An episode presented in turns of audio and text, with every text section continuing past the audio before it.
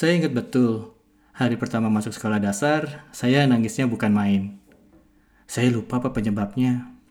Tapi kayaknya sih karena saya takut.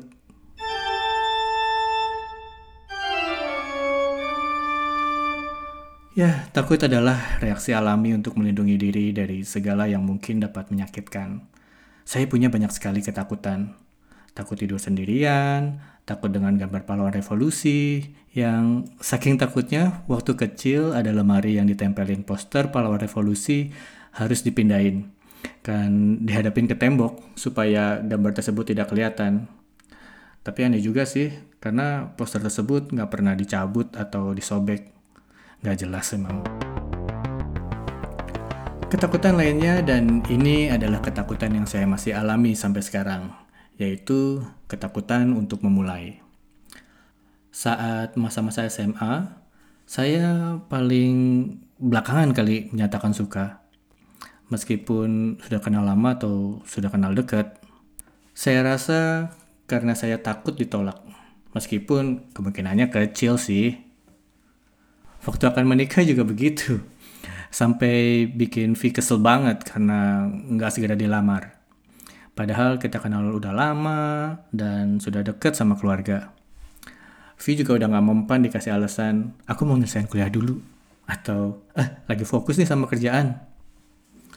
Ya, kalau diingat-ingat lagi, ketakutan yang saya alami ini karena saya selalu memikirkan kemungkinan terburuk.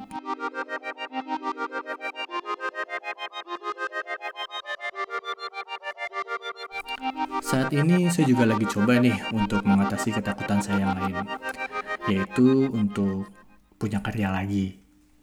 Tapi ada hal yang beda yang saya lakukan sekarang. Uh, hal yang beda untuk mengatasi ketakutan ini adalah dengan cara ya minta bantuan. Ya ngapain juga takut untuk mengakui kalau kita perlu bantuan.